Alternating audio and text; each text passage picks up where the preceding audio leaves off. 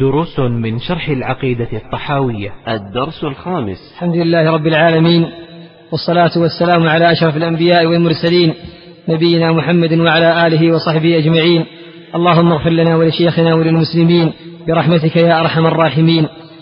قال المؤلف رحمه الله تعالى والعرش والكرسي حق وهو مستغني العرش وما دونه محيط بكل شيء وفوقه وقد أعجز عن الإحاطة خلقه. الحمد لله رب العالمين صلى الله وسلم على نبينا محمد وعلى آله وصحبه أجمعين. خص هنا العرش لكثرة ما خالف أهل الباطل من الجهمية والمعتزلة ومن نحى نحوهم كثرة ما خالفوا في مسألة الاستواء. والعرش هو سرير الملك. هكذا معناه في اللغة. وهذا العرش الذي ذكره الله في غير ما آية من كتابه هو أول ما خلق الله سبحانه وتعالى. أول شيء خلقه الله العرش. وهو عرش عظيم لا يقدر قدره إلا الله سبحانه وتعالى. ولهذا جاء في الحديث أن الكرسي عند العرش يعني بالنسبة للعرش كحلقة ملقاة في فلاة من الأرض. الحلقة الشيء الدائري. ما مقداره رحمك الله ما, ما نسبته إذا ألقي في برية واسعة. لا يأخذ منها إلا مقدارا يسيرا. العرش الكرسي بالنسبة للعرش كأنه هذه الحلقة التي ألقيت في برية واسعة. وهذا يدل على عظم هذا العرش وأنه لا يقدر قدره إلا الله. قد ذكره الله في غير ما آية من القرآن. وأضيف إلى الله في قوله تعالى رفيع الدرجات ذو العرش. لعظمة شأن هذا العرش. فهو سبحانه وبحمده هو الذي يعلم عظم هذا العرش وكبر قدره. ولهذا جاء أن السماوات السبع بالنسبة إلى الكرسي كدراهم سبعة ألقيت في ترس. فإذا كانت السماوات السبع بالنسبة إلى الكرسي كدراهم سبعة ألقيت في ترس. والترس لا شك أنه أكبر مثل الدرع أكبر من الدرهم. فكذلك العرش أعظم قدرا من هذا الكرسي الذي السماوات السبع فيه كدراهم سبعة. وهذا يدل على عظم أمر هذا العرش. وقد ذكره الله في مواضع من القرآن وبين أنه استوى عليه تعالى. وفسر السلف معنى الاستواء عليه لأن معناه الارتفاع عليه والعلو عليه. هذا هو معنى استواء الله على عرشه. فيقر أهل السنة بهذا. لا يترددون فيه لحظة. لكثرة النصوص وصراحتها الدالة على هذا. ولما قرر هذا نبهك إلى أمر. وهو أن الله استوى على العرش وهو مستغن عنه. حتى تعلم أن استواء الله على عرشه ليس كاستواء المخلوق إذا استوى على كرسي أو على غيره. لأن المخلوق إذا استوى عليه فهو محتاج له. أما الله فهو غير محتاج إلى العرش سبحانه وبحمده. ولهذا لما ذكر الاستواء على العرش قال وهو مستغن عن العرش. ليس كالمخلوق الذي لا يستغني عما يستوي عليه. وهو مستغن عن العرش وما دونه لأن العرش هو أعلى المخلوقات فوق السماوات السبع كلها. فكل شيء فهو دونه. من السماوات السبع إلى الحويض الأسفل. كله تحت العرش. فالله مستغن عنه كله سبحانه وبحمده. محيط بكل شيء وفوقه. وهذه من أصرح النصوص على أن الطحاوية يقر العلو. أن الله عز وجل قد أحاط بكل شيء وهو فوق كل شيء. هذا مراده بقوله محيط بكل شيء وفوقه أي أنه فوق كل شيء. فهو سبحانه وتعالى على العرش والعرش أعلى المخلوقات إذا فهو فوق كل شيء سبحانه وبحمده. وقد أعجز عن الإحاطة خلقه. خلقه يعجزون عن أن يحيطوا به تعالى. نعم هذا مجمل ما قال في هذه العبارات. نعم. قال رحمه الله ونقول إن الله اتخذ إبراهيم خليلا وكلم موسى تكليما إيمانا وتصديقا وتسليما.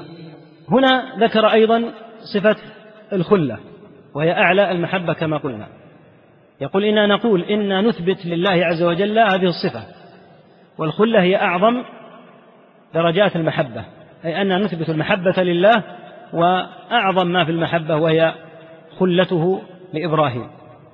ونقول إن الله عز وجل كلم موسى تكليما. لماذا نص على هاتين المسألتين؟ لكثرة الخلاف فيهما. فإنهما مما أنكره الجعد بن درهم ومما قتل لأجل إنكاره له في وقت خالد بن عبد الله القسري لأنه حين قتله ذكر أنه ينفي هاتين الصفتين. قال ضحوا تقبل الله ضحاياكم فإني مضح بالجعد بن درهم. إنه زعم أن الله لم يتخذ إبراهيم خليلا ولم يكلم موسى تكليما. تعالى الله عما يقول الجعد علوا كبيرا. فكانت من مقالات الجعد الذي قلنا إنه هو شيخ الجهم بن صفوان زعيم الجهمية الذين صاروا أشهر من أنكر الصفات وقلدهم من بعدهم من أهل الضلال. فنص على هاتين المسألتين. نعم. قال رحمه الله ونؤمن بالملائكة والنبيين والكتب المنزلة على المرسلين ونشهد أنهم كانوا على الحق المبين. هنا ذكر أركانا أخرى من أركان الإيمان. فذكر أول ما ذكر الإيمان بالملائكة وهو أمر مجمع عليه عند أهل الإسلام. الإيمان بالملائكة خلقهم الله تعالى من نور وأوكل إليهم جملة من الأعمال منها أعمال عامة يشتركون فيها جميعا وهي العبادة الدائمة المستمرة التي لا تنقطع. كما قال تعالى يسبحون الليل والنهار لا يفترون.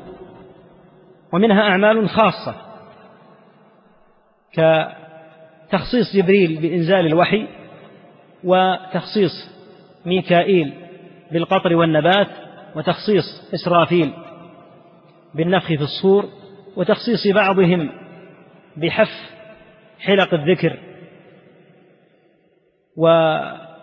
وتخصيص بعض آخر بكتابة الأعمال إلى غير ذلك من أعمال الملائكة التي لا تخفى. قال ونؤمن بالملائكة والنبيين جميع الأنبياء سواء من كان منهم رسولا أو لم يكن رسولا. نؤمن بهم أجمعين نؤمن بالملائكة ونؤمن بالنبيين أيضا. وهذا هو الركن الآخر من أركان الإيمان الإيمان بالله وملائكته وكتبه ورسله. ذكر هنا الإيمان بالأنبياء. وهم الذين جعلهم الله عز وجل مبلغين عنه. يبلغون الحق والأمر الذي يريد أن يبلغوه لعباده. والأنبياء عليهم الصلاة والسلام كثيرون بلا شك. فإن الله عز وجل جعل لكل أمة نذيرا وإن من أمة إلا خلا فيها نذير. فهم كثر يحصيهم هو سبحانه وتعالى. فالواجب أن نؤمن بهؤلاء الأنبياء. من علمنا منهم ومن لم نعلم. علمنا منهم عددا ذكرهم الله تعالى في القرآن.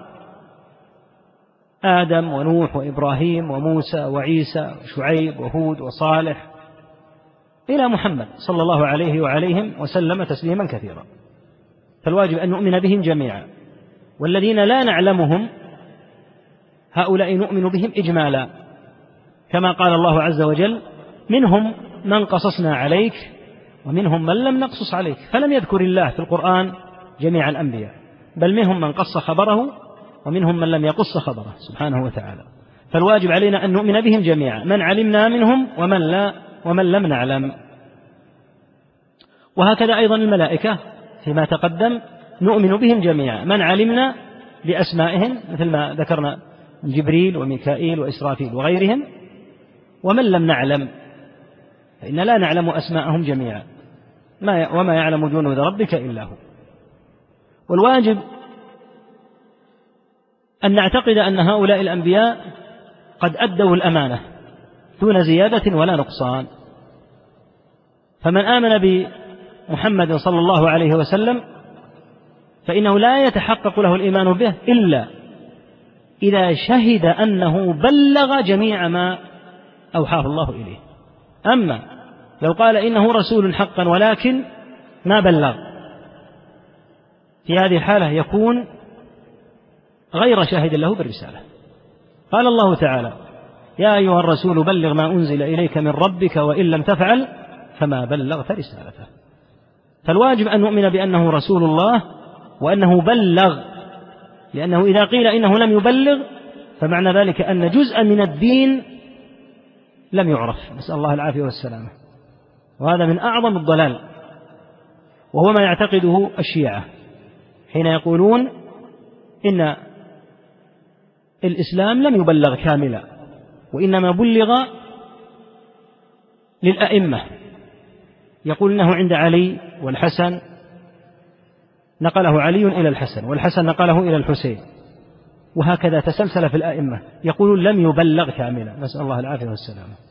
مع قول الله تعالى يا أيها الرسول بلغ ما أنزل إليك من ربك وإن لم تفعل فما بلغت رسالته. فالطعن في البلاغ طعن في الرسالة.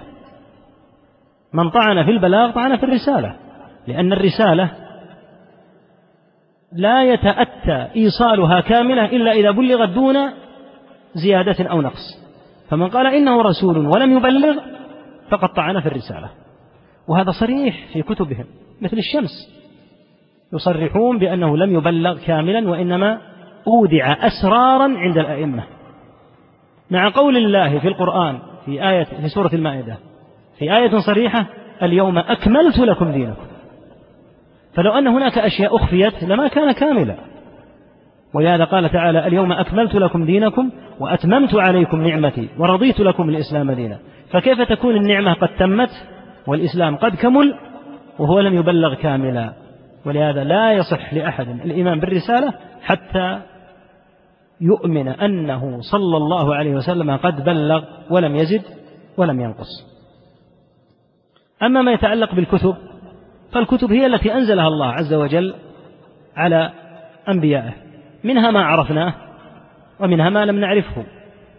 فالواجب أن نؤمن بما عرفناه محددا باسمه كالتوراة والإنجيل والزبور والقرآن وما لم نعلم نؤمن به إجمالا كما قال الله تعالى وقل آمنت بما أنزل الله من كتاب أي كتاب حتى وإن أعلم وإن لم أعلم اسم الكتاب ولا على من نزل. فنؤمن بالكتب كلها ما علمنا منها وما لم نعلم. ونؤمن بالأنبياء كلهم ما علمنا منهم وما لم نعلم. ونؤمن بالملائكة كلهم ما علمنا منهم وما لم نعلم. نعم. قال رحمه الله تعالى ونسمي أهل قبلتنا مسلمين مؤمنين ما داموا بما جاء به النبي صلى الله عليه وسلم معترفين وله بكل ما قاله وأخبر مصدقين. أهل القبلة يعني أهل هذا الدين أهل يعني أهل هذا الدين أهل هذه الملة. ماذا نسميهم؟ ما نبحث عن أسماء ما نبتدع أسماء ما نبتكر أسماء. مسلمين مؤمنين كما سماهم الله. وهذا يؤكد على التزام المسلمين بالاسم الذي سماهم الله به. ما يستبدلون بهذا الاسم أسماء أخرى. نسمي أهل قبلتنا مسلمين مؤمنين كما قال الله تعالى هو سماكم المسلمين. فإذا سمانا الله بالمسلمين نسمي أنفسنا ونسمي إخواننا بهذا الاسم وكفى به اسما. ولهذا نسمي أنفسنا بالمسلمين بالمؤمنين. ونسمي أنفسنا بما يدل على المسلك والمنهج مثل أهل السنة. لأن الذين يدعون الانتساب إلى الإسلام كثر فهذا يتبع شيخ الضلال الجهم بن صفوان يسمى جهمية وذاك يتبع شيخ الضلال. واصل بن عطاء يسمى معتزلية وذاك يتبع فلانا وهكذا. فنحن نتبع السنة ونلتزم الجماعة. هذه هي الأسماء التي ينبغي أن تلتزم. كما سمى الله عباده بالمسلمين وكما ناداهم بالمؤمنين يا أيها الذين آمنوا. ولما أخبر عليه الصلاة والسلام أنه لا تزال طائفة من أمته على الحق لا يضرهم من خالفهم ولا من خذلهم حتى يأتي أمر الله وهم على ذلك. وأخبر أن من سوى هذه الطائفة كلها في النار إلا هذه الطائفة فقال وستفترق هذه الأمة على ثلاث وسبعين فرقة كلها في النار إلا واحدة وهي الجماعة. هذا اسم شرعي سماهم بالجماعة.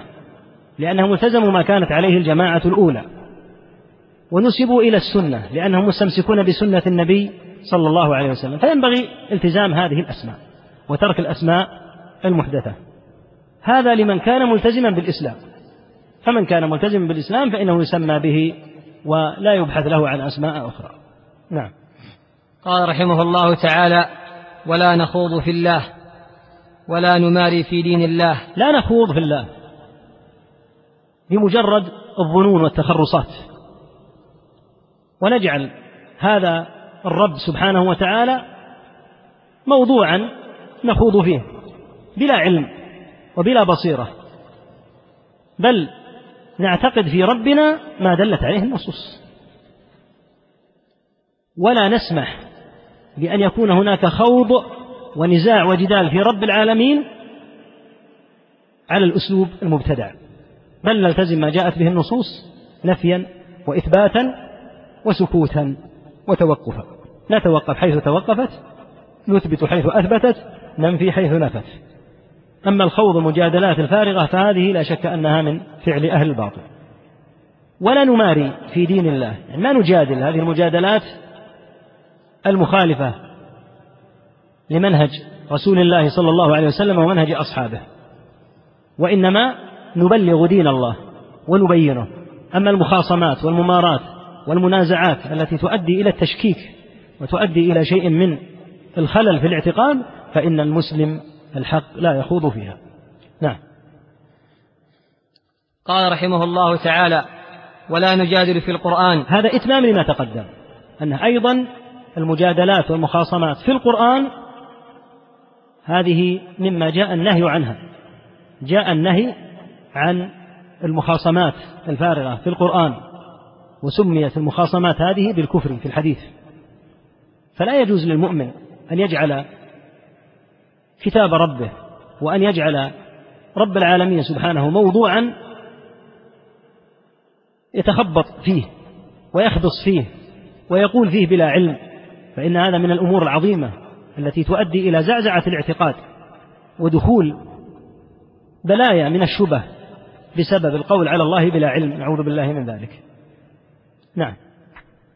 قال رحمه الله تعالى ونشهد أنه كلام رب العالمين نزل به الروح الأمين فعلمه سيد المرسلين محمد صلى الله عليه وسلم.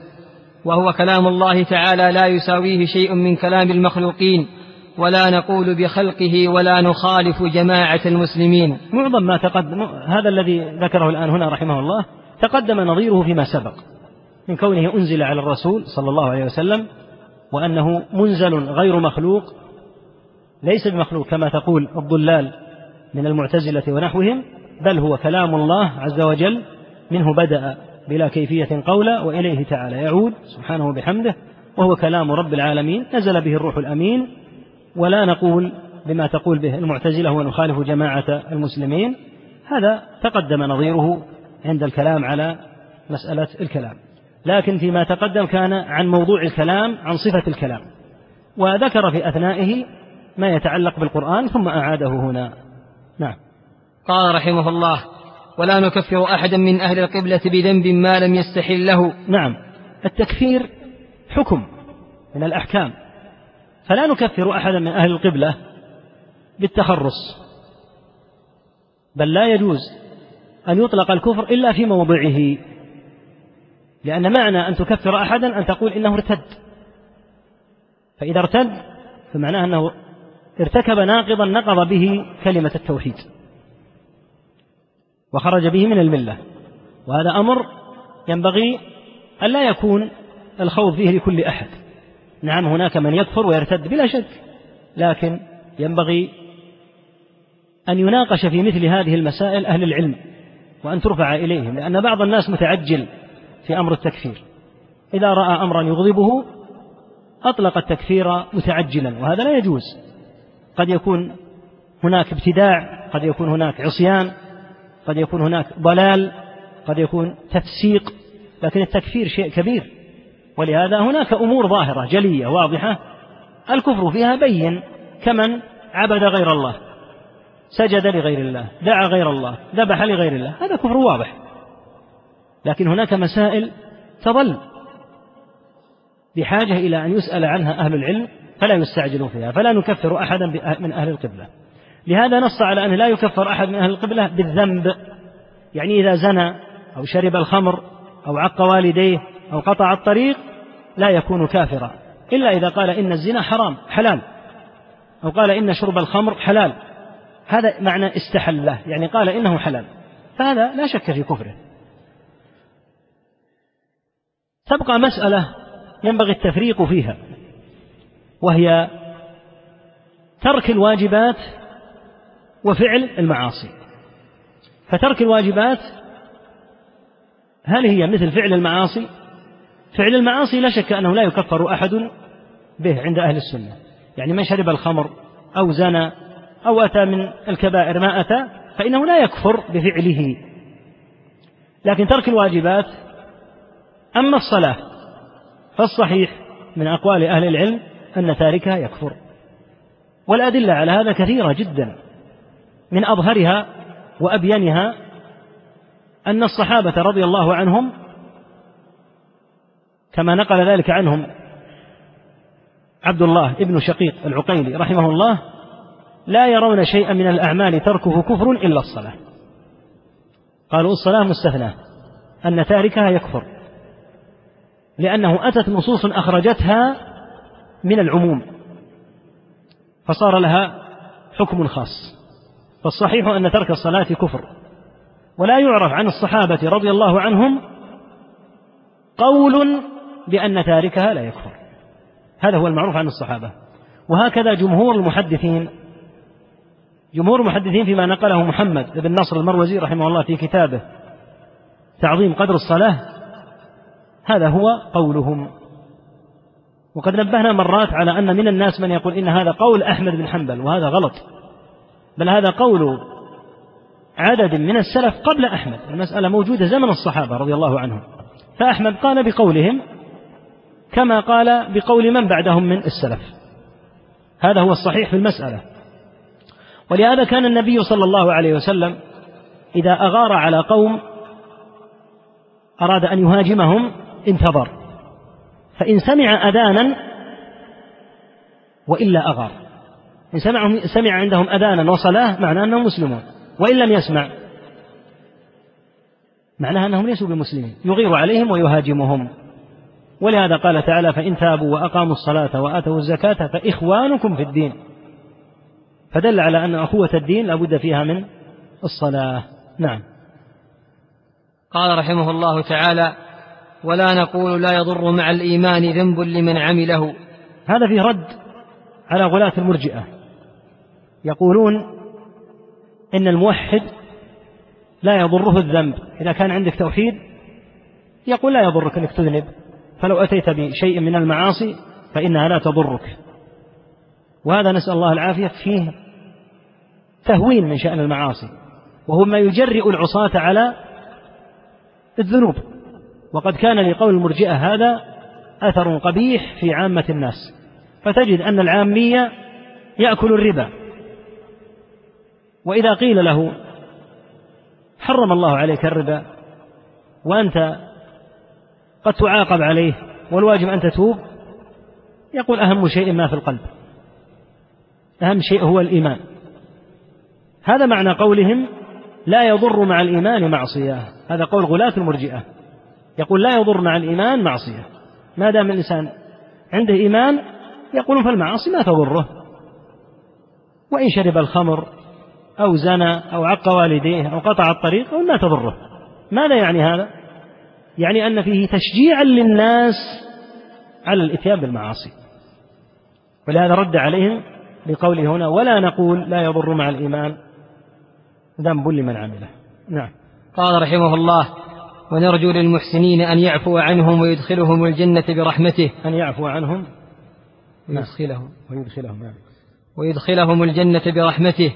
ولا نأمن عليهم ولا نشهد لهم بالجنة ونستغفر لمسيئهم ونخاف عليهم ولا نقنطهم. ولا نقنطهم. نعم. هذا فيما يتعلق بأهل الإحسان. المحسنون الملتزمون لشرع الله نحن نرجو لهم رجاء. نقول نرجو الله أن يدخلهم الجنة. نرجو الله أن يتقبل منهم. ولا نقطع. ما نجزم. نقول هذا المحسن في الجنة. ما يجوز هذا. لأن مآل الأمور إلى الله. وهو سبحانه وتعالى أعلم بالغيب. إلا إذا ورد نص عن النبي صلى الله عليه وسلم فيه الشهادة لأحد بأنه من أهل الجنة كالعشرة المبشرين بالجنة وخديجة وفاطمة والحسن والحسين وبلال وثابت بن قيس وأمثالهم رضي الله عنهم ممن جاءت نصوص تدل على أنهم من أهل الجنة. في هذه الحالة نؤمن بأنهم من أهل الجنة بأعيانهم نعم بأعيانهم فنقول أبو بكر في الجنة. خديجة في الجنة فاطمة في الجنة عمر عثمان علي عبد الرحمن بن عوف طلحة الزبير إلى آخره كل هؤلاء في الجنة بأعيانهم لأن النص جاء بأنهم في الجنة. لكن إذا لم يأتي نص فإن لا نجزم لا نجزم لأحد. فلا نقول مثلا ابن تيمية في الجنة ما يجوز. لكن نرجو له نعم نرجو لأنه كان على السنة وكان من المحسنين رحمه الله. فنرجو رجاء أما أن نجزم فلا. وإن بلغ ما بلغ. في الإمامة وفي الخير لأن مآل العباد ومصيرهم لا ندخل فيه نحن وإنما أمرهم إلى الله تعالى. وإن أحسنوا. ولهذا قال نرجو للمحسن. نرجو له رجاء. ولا نقطع له بالجنة. ونستغفر للمسيء. العاصي نستغفر الله نقول اللهم اغفر له. ولهذا إذا مات الميت وكان من أهل المعاصي فإنا نصلي عليه. وصلاة الجنازة فيها دعاء الله بأن يغفر له. ولا نقنطهم. لا نقول أنت لا يمكن أن يغفر الله لك. هذا معنى التقنيط. نقول للعبد معنى أن يقنط من رحمة الله أن يقال أنت لن يغفر الله لن يغفر الله لك. هذا معنى تقنيطه يعني أنه يؤيس من رحمة الله. نسأل الله العافية والسلامة لا يجوز. العاصي كما قال تعالى إن الله لا يغفر أن يشرك به ويغفر ما دون ذلك لمن يشاء. ولهذا ترد الأمور إلى الله. لا يدخل العباد في المصير مصير الناس في الجنة أو النار إلا إذا جاء النص على أحد. بأنه من أهل الجنة أو بأنه من أهل النار. ولهذا نقول أبو لهب في النار بعينه بعينه. امرأته في النار. والدليل السورة تبت يدا أبي لهب إلى آخره. أبو جهل في النار في النار. لأنه فرعون هذه الأمة وقتل على الشرك وهكذا. أما أن, أن نشهد لأحد بسبب أن عنده صلاحا بأنه من أهل الجنة فلا. أو أن نشهد عليه بأن عنده معاصي. كان يكون من شراب الخمور أو من الزنات لكنه من أهل الإسلام. فلا نشهد بأنه من أهل النار. ولا نقول إن الله لن يغفر له بل نقول أمره إلى الله ونستغفر الله له ولهذا نصلي عليه إذا مات. نعم. قال رحمه الله والأمن والإياس ينقلان عن ملة الإسلام وسبيل الحق بينهما لأهل القبلة. لا يجوز للعبد أن يأمن بمعنى أنه يقول أنا سيغفر لي. أنا من أهل الجنة. أنا آمن من عذاب الله. ولا يجوز أن ييأس أيضا. فيقول أنا ممن لن يرحمه الله. أنا سأعذب. أنا من أهل النار. أنا لن أعمل لأني قد صرت من الأشقياء. لا يجوز أن يسلك الإنسان. لا هذا المسلك ولا هذا المسلك. لا يأمن من عذاب الله لا يأمن مكر الله وانتقامه ولا ييأس من رحمته. ولهذا قال الحق بينهما لأهل القبلة. يكون المؤمن بين الخوف والرجاء يخاف من ذنوبه أن تهلكه ويرجو أن تقبل أعماله. فيكون بين الخوف وبين الرجاء كما قال الله عز وجل إنهم كانوا يسارعون في الخيرات ويدعوننا رغبا ورهبا. عندهم رغبة وعندهم الرهبة. وقال تعالى وادعوه خوفا وطمعا. يجتمع عند العبد الخوف والطمع الرجاء والخوف. أما أن يركز على الرجاء بحيث يأمن فلا يجوز أو أن يركز ويبالغ في الخوف بحيث يقنط من رحمة الله فلا يجوز بل يكون بينهما. نعم. قال رحمه الله تعالى ولا يخرج العبد من الإيمان إلا بجحود ما أدخله فيه. هذا من المواضع التي انتقدت على الماتن رحمه الله وعفى عنه. فإن حصره للخروج من الإسلام بجحود ما دخل به فيه ليس بصحيح. بل الإيمان عند أهل السنة قول واعتقاد وعمل. والكفر يكون بالقول ويكون بالاعتقاد ويكون بالعمل. مثال الكفر بالقول. لو سب أحد النبي صلى الله عليه وسلم يكفر بمجرد أن يسب. يقال كفرت. والواجب أن يستتاب فإن تاب وإلا قتل. فإذا قال قلبي من عقد على ما قاله لساني. يقول الكلمة التي قلتها كفر. واللسان قد أفصح عما في القلب. فسبك لرسول الله صلى الله عليه وسلم يدل على كفرك بلا شك. فيكفر بالقول. ويكفر العبد بالفعل. فلو أخذ كتاب الله العظيم المصحف ورماه والعياذ بالله في موضع قضاء الحاجة. فهذا الفعل منه كفر. وقال كفرت. فإذا قال أنا ليس قصدي أن أهين المصحف. أنا رميته هكذا وقلبي معظم له. قلنا كذبت. لو كان قلبك معظما لكتاب الله لما رميته في موضع قضاء الحاجة. ويكون الكفر بالقلب. فإذا أنكر القيامة واليوم الآخر بقلبه يكون كافرا. إذا فالكفر يكون بالقول ويكون بالفعل ويكون بالاعتقاد. فحصره للكفر في الاعتقاد غلط. وقد تعقبه أهل العلم في هذا عفى الله عنه وبينوا أن هذه المقولة ليست بسوية. بل الكفر يكون بالقول والفعل والاعتقاد وفق شروط بينها أهل العلم. فمن كفر غير مكره لو أنه نطق بالكفر وهو مكره والسيف على رأسه يقال هذا مكره. لكن نحن نقول يكفر بالقول وبالفعل إذا كان غير مكره وكان مختارا متعمدا ومعه عقله في هذه الحالة يكفر بالقول وبالفعل وبالاعتقاد. أما حصره الكفر في الجحود فقط فهذا لا يتأتى إلا على قول من يقول إن الإيمان هو مجرد الاعتقاد. هم يقولون الإيمان الاعتقاد ويخرجون العمل والقول. وبالتالي يقولون الكفر يكون بالاعتقاد.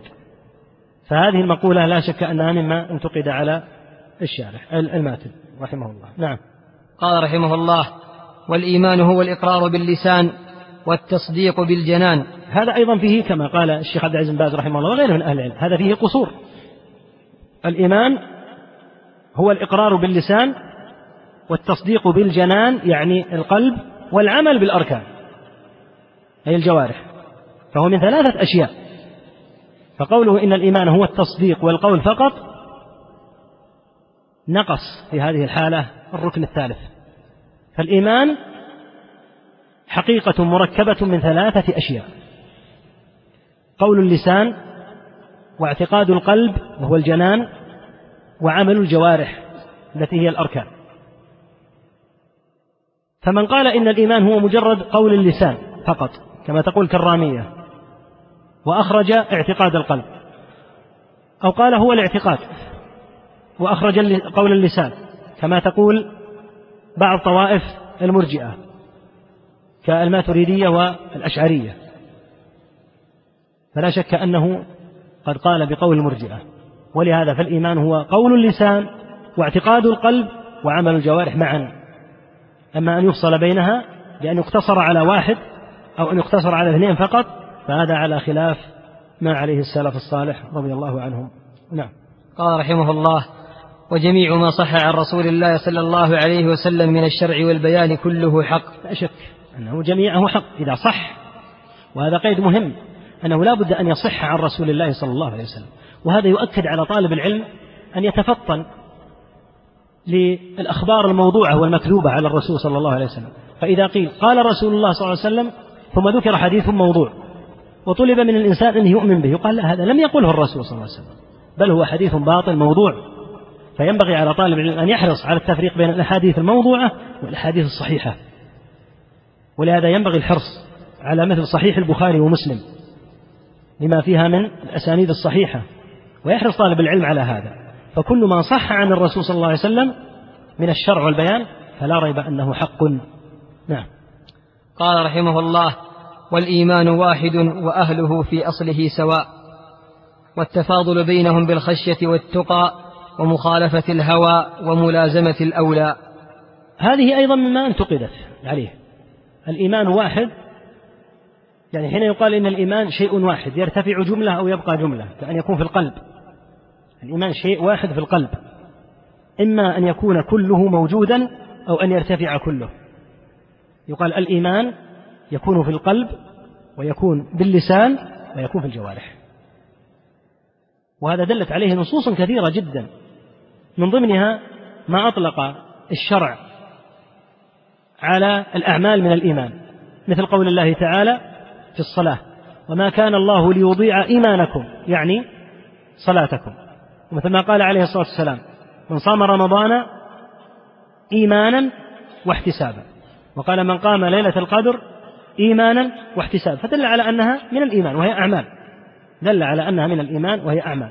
فالإيمان يكون في القلب ويكون باللسان ويكون بالجوارح. هكذا جعله الشرع حقيقة مركبة من هذه الأمور الثلاثة.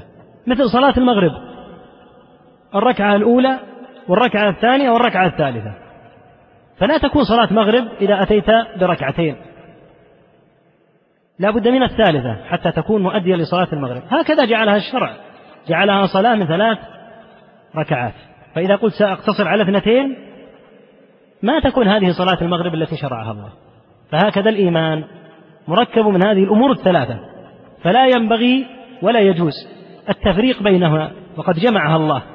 جمع الله هذه الحقائق الثلاث وجعلها هي الإيمان. فإذا اقتصرت على واحد وأخرجت اثنتين وأخرجت اثنين أو اقتصرت على اثنين وأخرجت واحدا فقد فرقت بين ما جمع الله. وقوله وأهله في أصله سواء والتفاضل بينهم بالخشية والتقى بل هم متفاضلون. هم متفاضلون في ما يكون في القلب. فيقين أبي بكر اليقين الذي في قلب أبي بكر ليس كاليقين الذي في قلوبنا. ويقين جبريل وميكائيل وهو في القلب ليس كيقين الواحد منا. فلا شك أن التفاضل في الأعمال مثلا الذي صام اليوم وقرأ ثلاثة أجزاء. لا شك أنه في عمله أكثر من الذي لم يصم ولم يقرأ شيئا اليوم. هذا من حيث الأعمال. ولكن حتى في اليقين هل يقين الواحد منا مثل يقين رسول الله صلى الله عليه وسلم؟ حاشا لله. ولهذا قال عليه الصلاة والسلام أنا أعلمكم بالله. وأشدكم له خشية. والعلم وين يكون? في القلب. فدل على أن التفاضل يكون حتى في القلب. فالتفاضل يكون في أمور القلب ويكون في الأعمال. هكذا ينبغي أن يعلم. ويلحظ هذا آه الذي تعقب عليه رحمه الله. نعم. قال رحمه الله والمؤمنين كلهم أولياء الرحمة لا والمؤمنون لا والمؤمنون المؤمنون بالرفع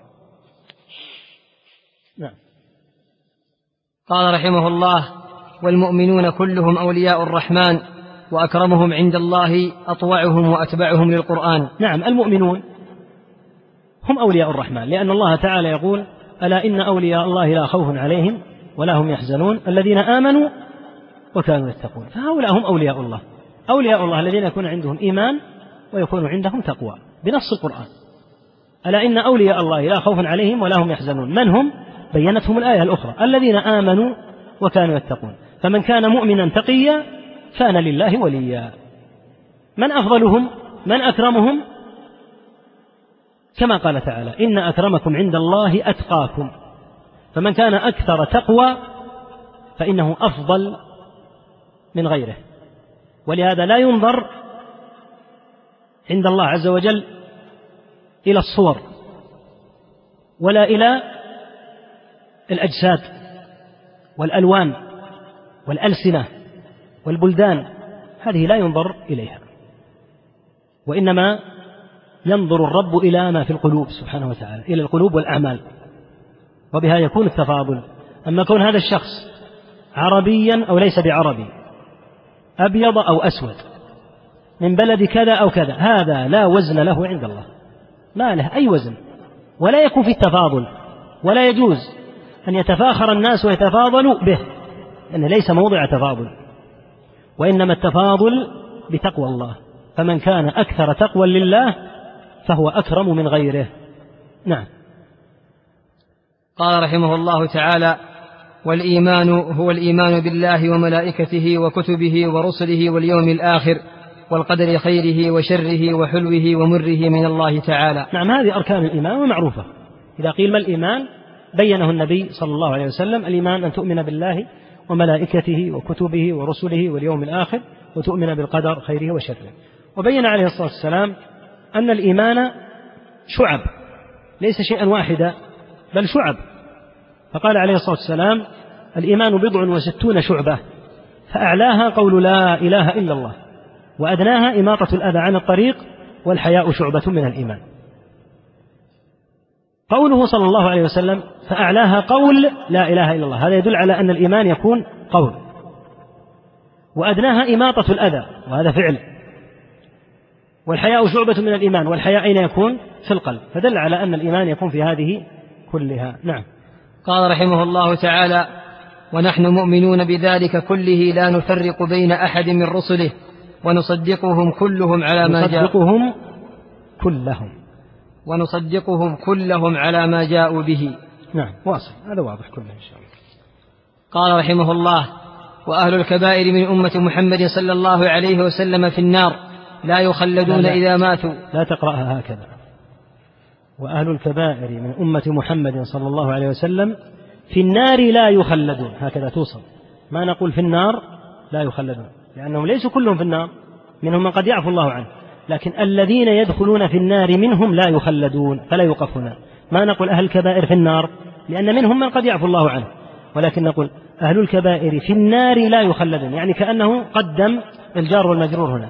يعني كأنه يقول وأهل الكبائر ها لا يخلدون في النار. بالضبط هذه نعم. اقرأها هكذا.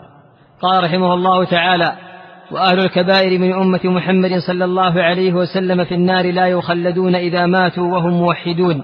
وإن لم يكونوا تائبين بعد أن لقوا الله عارفين مؤمنين وهم في مشيئته وحك وحكمه وحكمه إن شاء غفر لهم وعفى, عنه وعفى عنهم بفضله كما ذكر عز وجل في كتابه ويغفر ما دون ذلك لمن يشاء وإن شاء عذبهم في النار بعدله ثم يخرجهم منها برحمته وشفاعة الشافعين من أهل طاعته ثم يبعثهم إلى جنته. نعم. تكلم هنا عن أهل الكبائر. الكبائر هي الذنوب الكبار. نعوذ بالله منها. وقال أهل الكبائر لأن الذنوب منها كبار ومنها صغار. فالمقصود هنا أهل الذنوب العظام الكبار مثل شرب الخمر وعقوق الوالدين وقطع الطريق على المسلمين والزنا والفواحش. هذه كبائر. أصحابها نسأل الله العافية من أهل الجرائم العظام. فمن لقي الله منهم غير تائب. إذا تاب هذا ما يقال من أهل الكبائر. من تاب من شرب الخمر وصدق ومات ما نقول هذا من أهل الكبائر لأنه كان يشرب الخمر لا. وإنما الكلام إذا مات وهو يشرب الخمر أو مات وهو يزني ولم يتب. ما حكمه؟ نقول حكمه بينته الآية في سورة النساء. إن الله لا يغفر أن يشرك به ويغفر ما دون ذلك لمن يشاء. فبين سبحانه أنه يغفر ما دون الشرك وكل الذنوب دون الشرك جميع الذنوب دون الشرك مهما عددت من ذنب فهو دون الشرك لأن الشرك يخرج العبد من الإسلام وما سواه من هذه الذنوب لا يخرجه من الإسلام كالزنا وشرب الخمر وغيره. هذه إذا مات الإنسان ولقي الله بها فهو بين أمرين إما أن يعذبه الله نظير ذنوبه وإما أن يعفو عنه فهذا إليه. ولهذا قال ويغفر ما دون ذلك يعني ما دون الشرك لمن يشاء. فبين بقوله لمن يشاء أن منهم من يغفر له ومنهم من لا يغفر له. من لا يشاء له المغفرة لا يغفر له. وعلى هذا نعرف القول في أصحاب الكبائر أن صاحب الكبيرة مثل ما تقدم إذا مات ولم يتب منها فإنه لا يجزم له بالنار ولا يجزم له بعدم المغفرة بل يقال هو تحت مشيئة الله إن شاء الله تعالى عذبه وإن شاء غفر له. إذا عذبه الله في النار ودخل في النار فهل يمكث في النار دائما؟ لا. يمكث في النار ما شاء الله له أن يمكث ثم يخرج من النار. لأن الذين يبقون في النار ويستمرون فيها إلى الأبد هم الكفار. أما أهل الكبائر فإنهم يخرجون من النار إما برحمة الله وإما بشفاعة الشافعين كما تقدم في الشفاعة. نعم. قال رحمه الله تعالى وذلك بأن الله تعالى تولى أهل معرفته ولم يجعلهم في الدارين كأهل نكرته كأهل نكرته. كأهل نكرته الذين خابوا من هدايته. ولم ينالوا من ولايته. نعم. الله عز وجل لم يجعل حكم المسلم الذي آمن بربه تعالى مثل حكم أهل النكرة. أهل النكرة يعني الكفار الذين أنكروا ربهم. فلا يكون المسلم كالكافر. لا في الدنيا ولا في الآخرة أيضا. لا في الدنيا لأن هذا المسلم له أحكامه من حقن دمه وعدم جواز التعدي عليه ونحو إلى آخره. وأما الكافر فإنه إذا لم يكن معاهدا فإنه حل الدم والمال فيختلفون في الدنيا. أما في الآخرة فالمؤمن حتى لو دخل النار لا يبقى في النار كما يبقى الكافر لأن الكافر جرمه كبير أكبر بكثير من جرم هذا الذي مات على المعصية. فلا يستويان ولهذا حتى ولو دخل في النار فإن النار لا تمس مواضع السجود منه. يعني المسلم الذي يصلي إذا دخل النار مواضع السجود مثل الجبهة والأنف واليدين والركبتين والقدمين الموضع هذا من القدم الذي يسجد عليه هذا لا تصيبه النار. هذا الموضع لا تصيبه النار. لأنه مسلم فله وضع خاص. وهذه في ذاتها دليل على ماذا؟ على كفر تارك الصلاة. دليل أن فرق بين الذين في النار من الموحدين وغيرهم. فالموحد يصلي ولهذا إذا دخل النار لا تنال النار مواضع السجود. ولهذا أول ذنب يقر به أهل النار ترك الصلاة. نسأل الله العافية. قال الله عز وجل كل نفس بما كسبت رهينة إلا أصحاب اليمين في جنات يتساءلون عن المجرمين. ما سلككم في سقر مباشرة.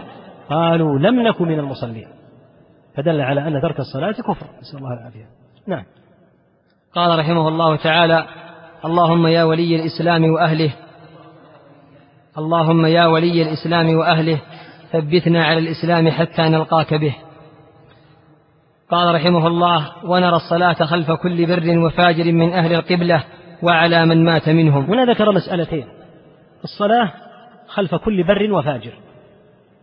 يعني إذا كان ولي الأمر برا عدلا صالحا كالخلفاء الراشدين نصلي خلفهم. وإذا كان عنده فجور مثل الحجاج بن يوسف ونحوه فإن أيضا نصلي خلفهم. ولا نترك الصلاة نقول لا نصلي لأنه فاجر لا تترك الصلاة. أو نقول لا نجاهد في سبيل الله لأن الحاكم فاجر. أو نقول لا نحج لأن الحاكم فاجر. لأن تعطيل هذه الأمور خطر معنى أن الإسلام يعطل من الصلاة والجهاد والحج بل نصلي خلف كل بر وكل فاجر. وهكذا نصلي على كل بر وفاجر. نصلي على البر الصالح إذا مات ونصلي على الفاجر. كنا ننكر عليه في الدنيا أو نقيم عليه الحد الآن مات. وهو بحاجة إلى دعوة إخوانه فيصلى عليه ولا يترك نعم. قال رحمه الله ولا ننزل أحدا منهم جنة ولا نارا ولا نشهد عليهم بكفر ولا نشهد عليهم بكفر ولا شرك ولا بنفاق ما لم يظهر منهم شيء من ذلك. ما لم يظهر منهم شيء, شيء من ذلك ونذر سرائرهم إلى الله تعالى. أما لا ننزل أحدا منهم جنة ولا نار فتقدم الكلام فيه وأما قوله لا نشهد عليهم بالكفر ولا بالشرك ولا بالنفاق فهذا هو الأصل لأنهم مسلمون. فما دام أنه مسلم كيف تقول أنت مشرك؟ أو تقول أنت عندك نفاق؟ إلا إذا أظهر شيئا من ذلك. إذا أظهر كفرا كأن يجحد رسالة محمد صلى الله عليه وسلم عياذا بالله. أو أن يجحد البعث والقيامة. هذا أظهره الآن وتكلم به وتفوه به فيشهد عليه بالكفر. أو الشرك كأن يذبح لأهل القبور ويدعو غير الله عز وجل أمرا لا يدعى به إلا الله فهذا يشهد عليه بالشرك. أو النفاق ظهرت عليه وتبينت أمور تدل على نفاقه فيشهد عليه به. وإلا إذا لم يظهر فإنه لا يشهد عليهم والسرائر توكل إلى الله علام الغيوب. أما أن تدخل أنت فتقول هذا كافر في الباطن وهو يظهر الإسلام أماما لا يدرك. هذه أمور إلى الله تعالى. نعم. قال رحمه الله ولا نرى السيف على أحد من أمة محمد صلى الله عليه وسلم إلا من وجب عليه السيف. ما نرفع السيف على المسلمين ونقاتل المسلمين. لا يجوز هذا. لأن المسلم لا لا يجوز أن يقتل ولا أن يقاتل إلا إذا استحق هذا. إذا استحق هذا لسبب هو ابتدره كالبغاة الذين يخرجون على المسلمين أو أن يخرج عليك أحد من قطاع الطريق يريد نهب مالك أو التعدي على أهلك أو قتلك ففي هذه الحالة فإنك تدفع عن نفسك وعن أهلك وعن مالك. وإن كان مسلما وإن كان مسلما. ولو قتلته الأمر لله. وإن قتل. أنت لم تر السيف عليه. لكن هو يريد الفجور. يريد سلب المال. هو الذي فتح على نفسه الباب. ففي هذه الحالة يقاتل. أما الأصل فإن المسلمين لا يجوز أن يرفع عليهم السلاح ولا أن يقاتلوا. نعم.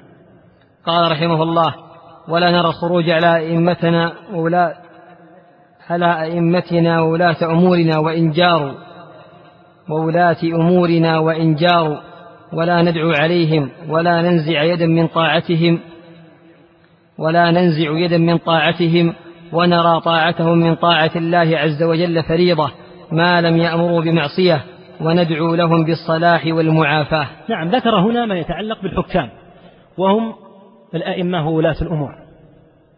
وهم الذين سماهم الله. أطيعوا الله وأطيعوا الرسول وأولي الأمر. فهذه التسمية ولي الأمر تسمية شرعية مأخوذة من القرآن ومن النصوص أيضا. فلا يخرج عليهم. لا يجوز الخروج عليهم بالسيف بحيث يقاتلون. وإن جاروا يعني وإن ظلموا نعم حتى لو ظلموا حتى لو تعدوا حتى لو تعدوا لو تعدوا على الناس بأخذ أموالهم أو كان عندهم ظلم. فلا يجوز أن يبادرهم الناس بالمثل. فيقولون كما ظلمتمونا نحن نبادلكم الخطأ بمثله. لا يجوز لأن هذا يدمر الأمة. إذا كان الحاكم يظلم والرعية تخرج عليه ينفرط العقد في هذه الحالة وتضعف الأمة ضعفا شديدا. ولهذا يصبر على ظلمهم وجورهم. نعم ينصحون يؤمرون بالمعروف ينهون عن المنكر أما الخروج عليهم فلا يجوز. والخروج عليهم شعار من شعارات الخوارج. وليس من شعارات أهل السنة في قليل ولا كثير. وهكذا لا تنزع اليد من طاعتهم. لا يقال خلاص هذا الحاكم ليس له طاعة. مهما أمر به فلن نسمع له ولا نطيع. لا إلا في حالة واحدة. إذا أمروا بمعصية. فإذا أمروا بمعصية فإنه لا يسمع لهم ولا يطاع لأن الواجب ألا يأمروا بالمعصية. وهكذا الإبن مع أبيه. يقال اسمع لأبيك وأطع إلا إذا أمرك بمعصية لأن المعصية لا يطاع فيها أحد. وهكذا الزوجة مع زوجها تطيع ما لم تؤمر بمعصية. فالحاصل أنه لا يجوز الخروج عليهم ولا الدعاء عليهم. هذه مسألة أخرى. أن يدعى عليهم ينبغي الدعاء لهم. فبدلا من أن تقول اللهم لا توفقهم قل اللهم اهدهم وارشدهم ودلهم على خير ووفقهم لأنهم إذا لم يوفقوا جاءك البلاء أنت لأن يكون الحاكم غير موفق فيتسلط على الناس ومن ضمنهم أنت. فلهذا الدعاء عليهم لا خير فيه وإنما يدعى لهم بالخير والصلاح والمعافاة وغيرهم مما ذكر. إذا فلا يخرج عليهم يعني بالسيف ولا تنزع اليد من طاعتهم. يقال خلاص هذا الحاكم ليس له أمر علي وأنا سأعصي أوامره. ولا يدعى عليهم لأن يدعى عليهم مثلا بالهلك وبالموت وبأن لا يوفقوا كل هذا ما يصلح. بدلا من أن تدعو عليهم ادعوا لهم. والغلط ينصحون فيه ويؤمرون بالمعروف وينهون عن المنكر.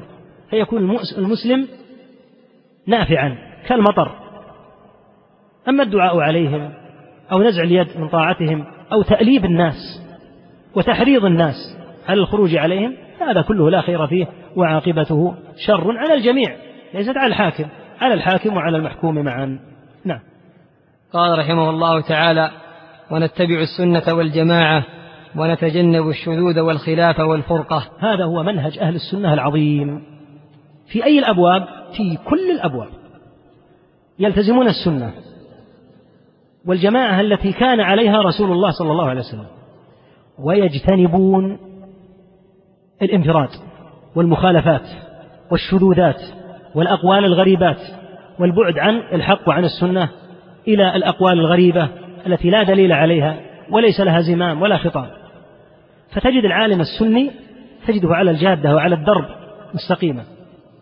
أما إذا زل الواحد عن السنة فإن يبدأ يجمع من الأقوال الغريبة يحل المحرمات ويحرم المباحات ويحسن القبيحات ويقبح الحسنات فيكون في جملة عمله مجموعة من الأقوال الشاذة الغريبة. فالواجب على المسلم أن يلتزم هدي نبي الله صلى الله عليه وسلم ويترك وأن يترك عنه الشذوذ والبعد عن الجماعة وعن هدي رسول الله صلى الله عليه وسلم. نعم. قال رحمه الله تعالى ونحب أهل العدل والأمانة ونبغض أهل الجور والخيانة. نعم هذا في الجملة مثل ما تقدم. نحب أهل الخير والصلاح والدين وهم الذين عندهم عدل وأمانة ونبغض من كان عندهم المعاصي ولا سيما أهل المجاهرة بها ممن عندهم خيانة وجور وبغي وغيره. نعم. قال رحمه الله وقول الله أعلم. وقول ولا ونقول. ونقول. ونقول. نعم. ونقول الله أعلم فيما اشتبه علينا علمه. علمه. فيما اشتبه علينا علمه. إذا لم يتبين لك علم مسألة من المسائل فردها إلى الله. الله عز وجل أعلم بهذا الأمر الذي اشتبه علي ولم أعرفه لأنك لن تحيط بكل شيء. وستكون هناك أشياء لا تدركها ولا تعرفها فتردها إلى ربك تبارك وتعالى. نعم. قال رحمه الله ونرى المسح على الخفين في السفر والحضر كما جاء في الأثر. نص هنا على المسح على الخفين مع أن المسألة من مسائل الأعمال. تذكر في كتب الفقه عادة. والسبب في النص عليها أن الشيعة تخالفوا فيها وجعلوها شعارا يخالفون فيه أهل الحق. فإنهم مع كثرة النصوص الدالة على المسح على الخفين لا يمسحون على الخفين. ويقولون إن المسح على الخفين لا يجوز. فنص أهل السنة لأن هذه مسألة دلت عليها نصوص كثيرة. فلما شذت الشيعة كعادتهم في أقوالهم وقالوا إنه لا يمسح على الخفين نص أهل السنة عليها في مصنفاتهم. من عجيب أمر الشيعة أنهم لا يمسحون على الخفين ولكن ماذا يفعلون؟ يمسحون على القدمين.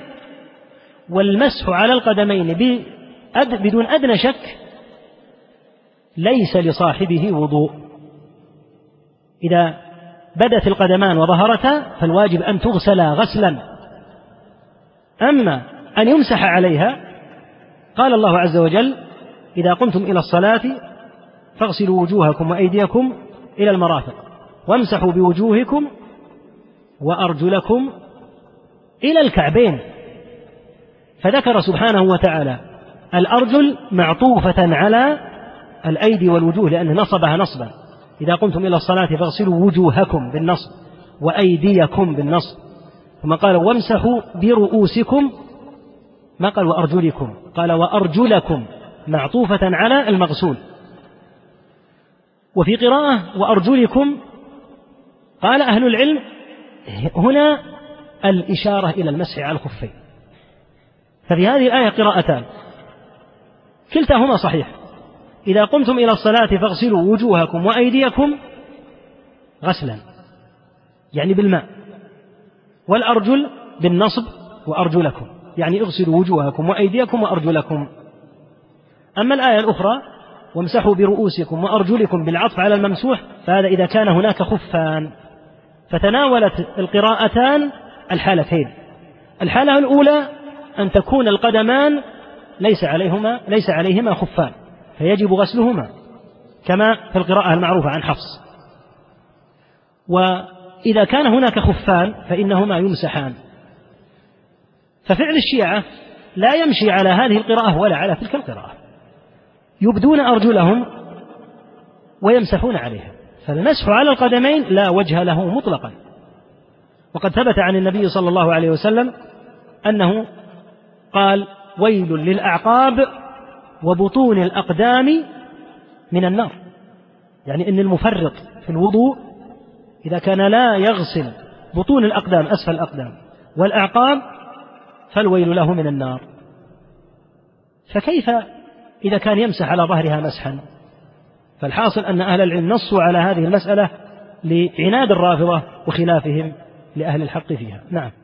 قال رحمه الله تعالى والحج والجهاد ماضيان مع أولي الأمر من المسلمين برهم وفاجرهم إلى قيام الساعة لا يبطلهما شيء ولا ينقضهما. نعم مثل ما تقدم هذا قريب مما تقدم أن الجهاد والحج يمضيان بقطع النظر عن فجور الحاكم أو صلاحه. فالحج والجهاد ماضيان مع أولي الأمر من المسلمين برهم وفاجرهم. فلا يقال إذا كان ولي الأمر من المسلمين برا صالحا حججنا. وإذا كان غير صالح تركنا الحج لأن هذا يؤدي إلى تعطيل الحج. فالحج ماضي مع الولاة بقطع النظر عن آه، كونهم من من الأبرار أو الفجار. إلى قيام الساعة. لا يبطلهما شيء ولا ينقضهما. ما نقول إن لا نحج مع الفاجر من ولي الأمر أو لا نجاهد معه. لأن ذلك يعني أن يبطل وأن ينقض. لأن ولي الأمر هذا مثلا لو أن ولي أمر تأمر خمسين سنة. فقال الناس لا نحج معه. إيش معنى؟ أن يعطل الحج خمسين سنة عياذا بالله. فالحج يمضي فله فعليه فجوره ولك حجك أنت. أما أن تعطل الحج تقول حتى يأتي حاكم صالح فلا يجوز لأن هذا يؤدي إلى تعطيل شعائر الإسلام. نقف عند هذا إن شاء الله. يقول بسم الله ما حكم الجهر بالاستغفار بعد الصلاة؟ جزا الله خيرا هذا السائل. هذا من السنن التي ماتت في الناس. ثبت عن النبي صلى الله عليه وسلم بعد السلام جملة من الأذكار. منها قوله أستغفر الله أستغفر الله أستغفر الله.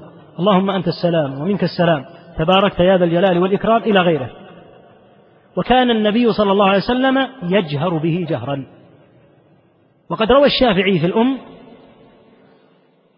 بسند حسنه أو صححه ابن حجر أن النبي صلى الله عليه وسلم إذا انصرف من الصلاة قال بصوته الأعلى يعني رفع صوته ولهذا يشرع ولا سيما من طلبة العلم حتى يحيوا هذا الأمر في الناس إذا سلمت أن تقول أستغفر الله أستغفر الله أستغفر الله اللهم أنت السلام ومنك السلام تباركت يا ذا الجلال والإكرام وتجهر به.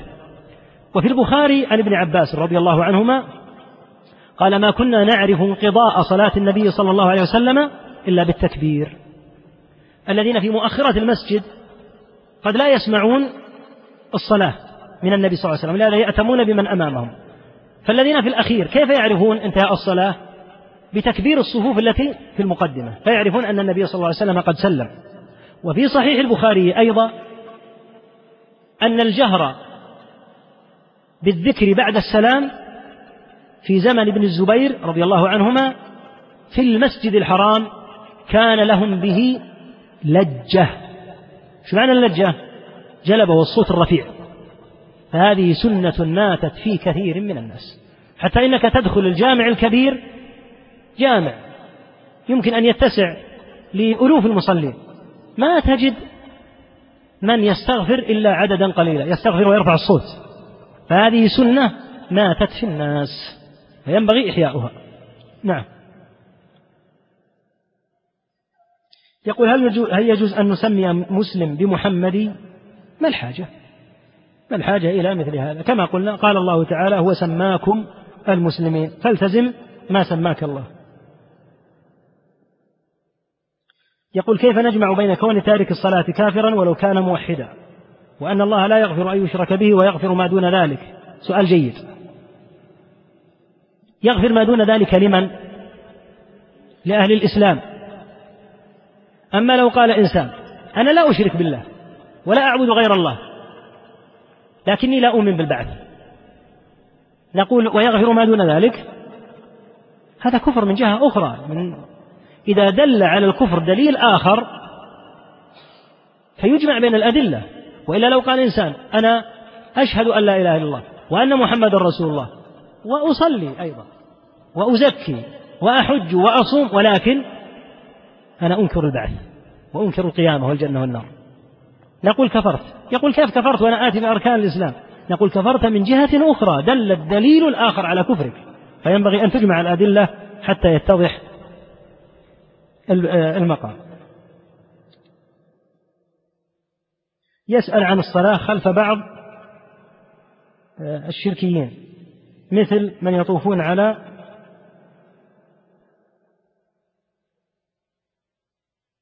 ما أدري كأنه يعني يطوف على القبور أو نحوه إذا وجد عنده شيء من الشركيات كأن يعبد غير الله فإنه لا يصلى خلفه. إذا كان يدعو غير الله ويعبد غير الله ويذبح لغير الله فإنه لا يصلى خلفه.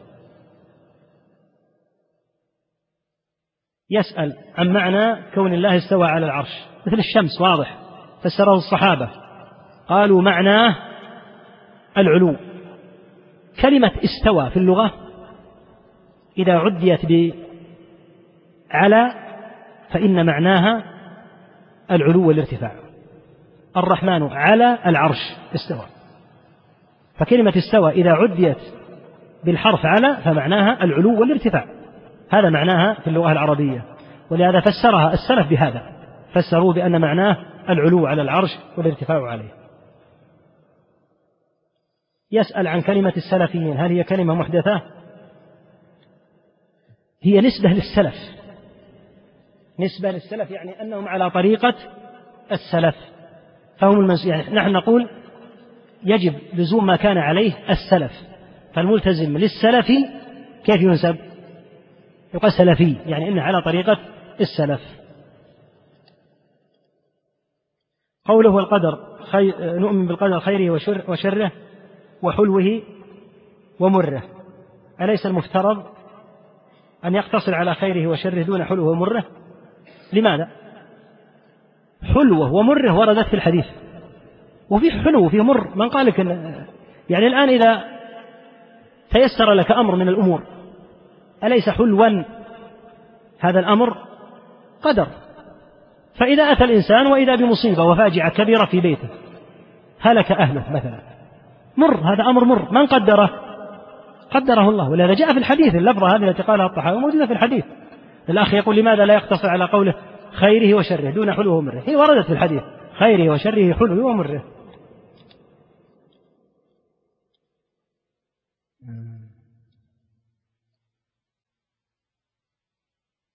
يسأل الأخ يقول النبي صلى الله عليه وسلم حين صلى بالأنبياء صلى بهم على شريعة من؟ على شريعته. يعني ما في الشريعة بعد شريعة محمد صلى الله عليه وسلم. صلي بهم على وفق شريعته عليه الصلاة والسلام. يسأل عن عبارة الله يخليك لي يعني يبقيك لي ونحوه. هذه لن تكون. هذا أمر لن يكون. لن يبقي الله أحدا سبحانه وتعالى. هذا الأمر لن يتم. يعني دعوة معروف أنها لن تتحقق. فقول أطال الله بقاءك أو أطال الله عمرك على معنى أن يستمر لن يستمر. لا بد أن لا يبقيه. قال تعالى كل من عليها فان ويبقى وجه ربك ذو الجلال والإكرام.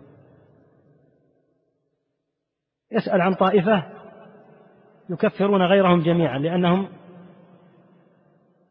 ما أدري هذه الطائفة يعني الكلام مجمل أن في طائفة تكفر جميع المسلمين المعروف الذي يكفر جميع المسلمين هم الخوارج لكن هذه الطائفة التي تسأل عنها في بلد محدد تعمدت أن لا أذكره لأني ما أدري هل هي فعلا تكفر غيرها أو لا. فإذا كانت تكفر جميع المسلمين على وجه الأرض إلا أنفسهم إلا هم فقط فهذا لا شك أن فعل الخوارج.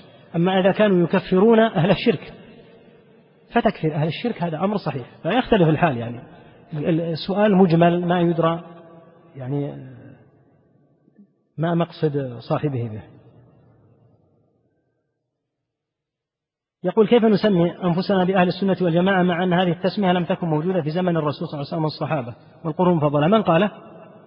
موجودة. قلنا لك أنه في الحديث أن النبي عليه الصلاة والسلام لما سئل عن الطائفة التي تنجو قال هي الجماعة. وكلمة السنة والجماعة كانت موجودة زمن السلف الصالح. ألا تقرأ ما قال محمد بن سيرين رحمه الله في مقدمة صحيح مسلم؟ كانوا لا يسألون كانوا لا يسألون عن الإسناد. فلما وقعت الفتنة قالوا سموا لنا رجالكم فيقبل من أهل السنة ويترك قول أهل البدعة موجودة معروفة. لأن معنى أهل السنة ما معنى؟ أهل البدع ماذا يفعلون؟ أهل البدع يتركون سنة النبي صلى الله عليه وسلم. الخوارج يتركونها الشيعة يتركونها المعتزلة يتركونها الجهمية يتركونها. من بقي مستمسكا بالسنة؟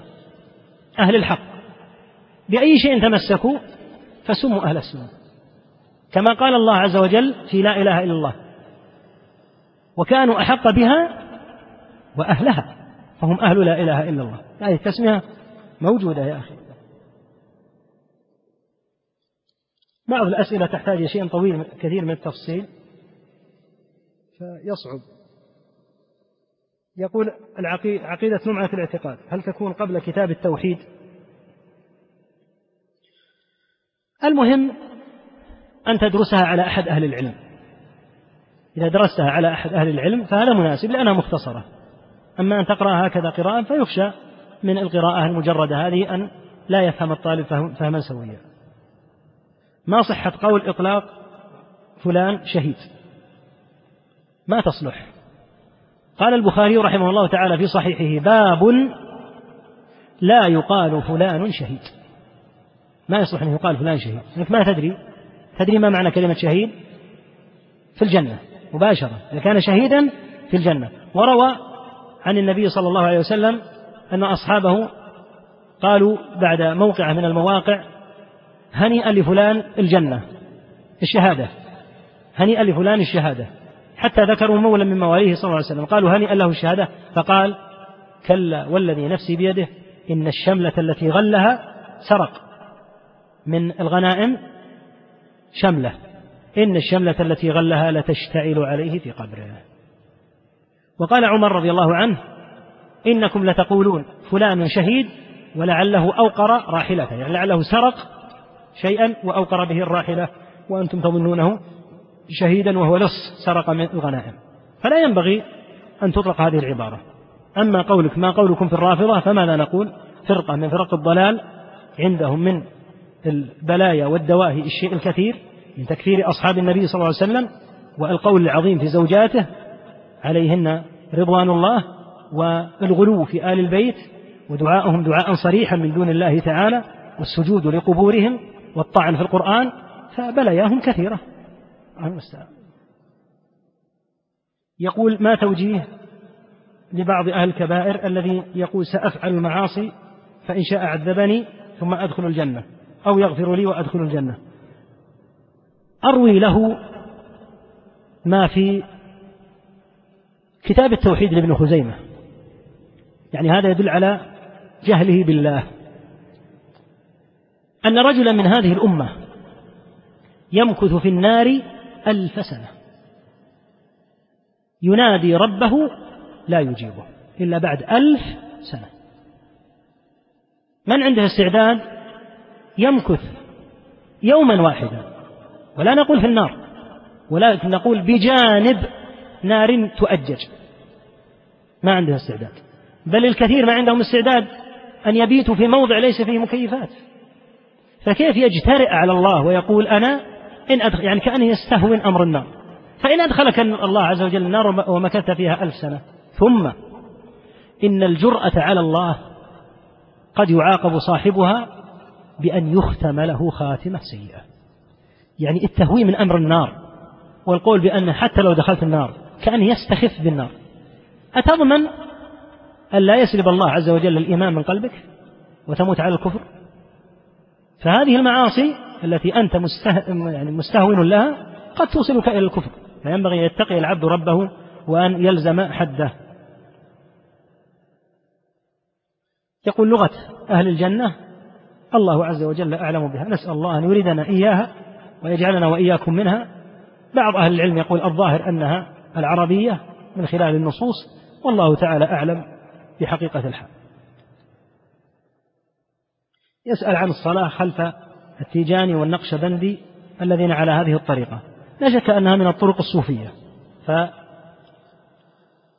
فنقول قاعدة عامة. سواء في هذه الطريقة أو غيرها. من كان عنده شرك. إذا كان عنده شرك أكبر بمعنى أنه يذبح لغير الله يدعو غير الله يطوف بالقبور يتقرب لأهلها. فمهما سميته بأي اسم فلا تجوز الصلاة خلفه. من دعا غير الله فهو مشرك أيا كان اسمه. فالواجب أن هؤلاء يحرص عليهم ويوعون ويدعون إلى الله وقد هدى الله بحمده ومنته عددا كثيرا منهم. فالواحد منكم وفقنا الله وإياكم إذا ذهب إلى بلده يكون داعية خير يحرص على أن يستنقذ الله عز وجل به هؤلاء الناس. قال عليه الصلاة والسلام لأن يهدي الله بك رجلا واحدا خير لك من حمر. النعم فيحرص الإنسان على هدايتهم ودعوتهم إلى الله. يسأل عن كون الخلاف في تارك الصلاة قديم. ورأي علمائنا يقول ألا يدل على نوع من التعصب؟ لا يا أخي قضية قضية أدلة. ولهذا إذا اتضح لنا القول بأن الصواب مذهب الشافعي عملنا به وتركنا الحنبلي. إذا اتضح لنا أن الصواب مع أبي حنيفة تركنا قول الحنابلة وعملنا بقول أبي حنيفة. لا لأنه قول أبي حنيفة أو قول أحمد أو قول الشافعي أو قول فلان أو غيره ولكن لأن الدليل معه. وأدلة كفر تارك الصلاة واضحة جدا. إذا أردتها فانظر إلى كتاب محمد بن نصر المروزي وهو من الشافعية. كتابه الجليل تعظيم قدر الصلاة. أورد عن عدد غير قليل من السلف. عدد من السلف. كابن مسعود وغيره من السلف. أن ترك الصلاة كفر. فالقضية ليست أن علماء المملكة يقولونه فنحن نقوله. لا. لأنه إذا اتضح لنا أن الدليل بخلاف القول الموجود عند مشايخنا فإن نأخذ بالدليل حتى لو خالفنا بعض مشايخنا. وهكذا مشايخنا إذا اتضح لهم أن الدليل على خلاف قول مشايخ لهم آخرين قالوا بالدليل بقطع النظر وهذا الواجب على المسلم لأن الله في القيامة يسأل عن ماذا؟ ويوم يناديهم فيقول ماذا أجبتم المرسلين؟ هم ماذا أجبتم فلانا أو فلانا فأنت تجيب المرسل صلى الله عليه وسلم. إذا اتضح أن الثابت الصحيح من الأدلة على قول معين فإنك تأخذ به بقطع النظر عن قائله. بالنسبة للمؤلفات لي عليك بكتب أهل العلم غيري. هل يجوز الخروج على الرؤساء الذين ليسوا مسلمين وعدم طاعتهم والدعاء عليهم؟ وكذلك الذين هم مسلمون إلا أنهم لا يطبقون الشريعة. الخروج عليهم يؤدي إلى ماذا؟ يؤدي إلى أن تسفك دماء هؤلاء الناس الذين قد يكونون من الخيرين الصالحين. ويؤدي إلى محاصرتهم وتضييق الدعوة عليهم بما يضعفهم. فينبغي أن يحرص الداعي إلى الله على أن يكون دقيقا في تصرفاته. لأن قد يتصرف تصرفا يتسبب هذا التصرف في منع خير كثير. فيلاحظ هذا الأمر ويحرص على الدعوة إلى الله عز وجل ويحرص على أن يكون على بصيرة من أمره حتى لا يتسبب فعله فيما هو أشد. من الوضع الذي هو فيه. من شهد له المسلمون بالجنة هل يوجب له الجنة؟ من شهد له المسلمون بالصلاح هل يوجب له الجنة؟ وذلك لقول الرسول صلى الله عليه وسلم وجبت وجبت أنتم شهداء الله في الأرض كشيخ الإسلام. هذا قاله النبي صلى الله عليه وسلم للصحابة وقاله النبي صلى الله عليه وسلم حين مرت جنازة معينة. لكن أن نقول إن هذا اليوم موجود إن من شهد له الناس وجبت له الجنة إذا شهد له بالصلاح فهذا كافي في أن يشهد له بماذا؟ بالصلاح. أما المصير والعاقبة فإلى الله أمرها. يسأل عن فائدة أخذ الإجازة من العلماء في الكتب يعني حتى يتصل السند وإلا الكتب الحمد لله محفوظة لكن غرضه أن يقول حدثني شيخنا فلان عن عن فلان عن شيخ فلان عن فلان عن فلان عن البخاري ثم يروي البخاري من طريقه. هذا قصده.